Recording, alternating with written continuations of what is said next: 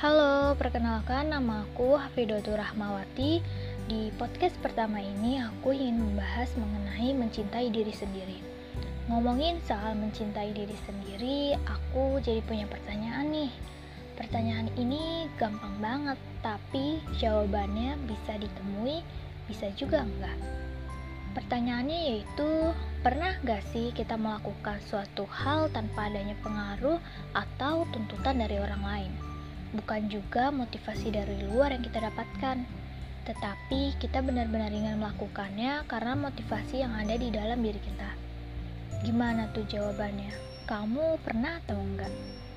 Ya, kadang kita memang sibuk memikirkan orang lain sampai lupa pada diri sendiri. Padahal peduli dan cinta kepada diri sendiri sangatlah penting.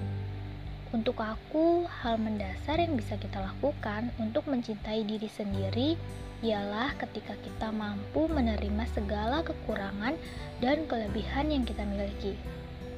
Ya, aku tahu memang gak mudah.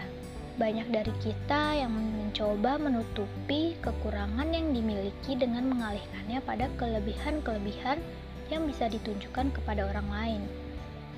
Tapi, apa kamu tahu bahwa itu adalah hal yang keliru?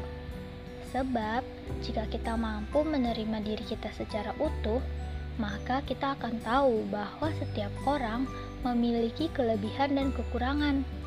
Nah, coba tanya pada dirimu, apa selama ini kamu masih belum bisa menerima kekuranganmu?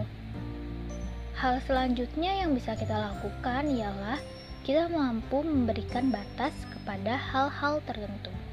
Misal, dalam pertemanan, jika kamu merasa lingkungan pertemananmu tidak sehat, kamu berani untuk bicara dan dengan tegas menolak hal yang tidak sesuai dengan dirimu. Bicara soal mencintai diri sendiri bukan bicara soal keegoisan, sebab saat kita mampu menerima diri kita secara sadar, utuh, dan penuh, maka kita akan tahu bagaimana cara memperlakukan orang lain, yaitu sama seperti saat kita memperlakukan diri kita. Aku rasa pembahasan tentang mencintai diri sendiri cukup sampai di sini. Terima kasih buat yang udah mau dengerin. Yuk, jangan terus mencintai orang lain sampai diri sendiri pun dilupain. Goodbye.